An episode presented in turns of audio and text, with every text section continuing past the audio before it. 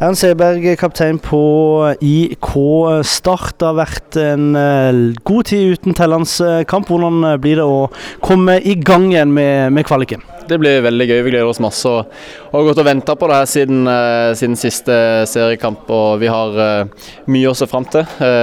Målet, er, målet, er, selvfølgelig opprykk. og Første skritt mot det er allerede søndag, så vi, vi gleder oss masse. Hvordan har det vært å holde på så, eh, så lenge uten, eh, uten, å spille en tellandskamp? Det, altså det, det, er dere som har hatt mye fokus på det. Vi er, vi er egentlig vant til å ha noen opphold i løpet av, løpet av en sesong, så, så, vi har trent godt, spilt eh, et par treningskamper og, og føler at vi er godt rustet for, for å møte koffer til søndag. Så et eh, KFM mot uh, Kongsvinger som kanskje sleit med å komme i gang. Uh, hvordan blir, hva blir viktig i, i starten av, av, kampen mot KFM?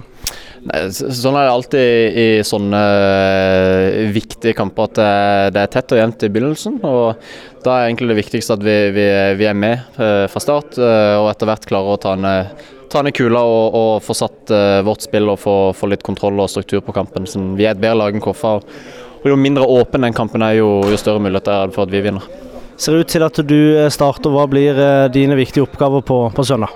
Nei, Det blir jo å demme opp for, eh, for deres midtbanespillere. De har et par gode der. Og så, er det å være trygg og god med ball. sånn at Det er viktig for oss at vi har lengre perioder der vi er på ball. og, og Der blir det viktig. Det er ikke kanskje så mange som tenker over det, men du var her jo i 2015 og var med på den kvaliken eh, der. Hva tar du med deg derifra som du kanskje kan eh, si til gutta på, på søndag?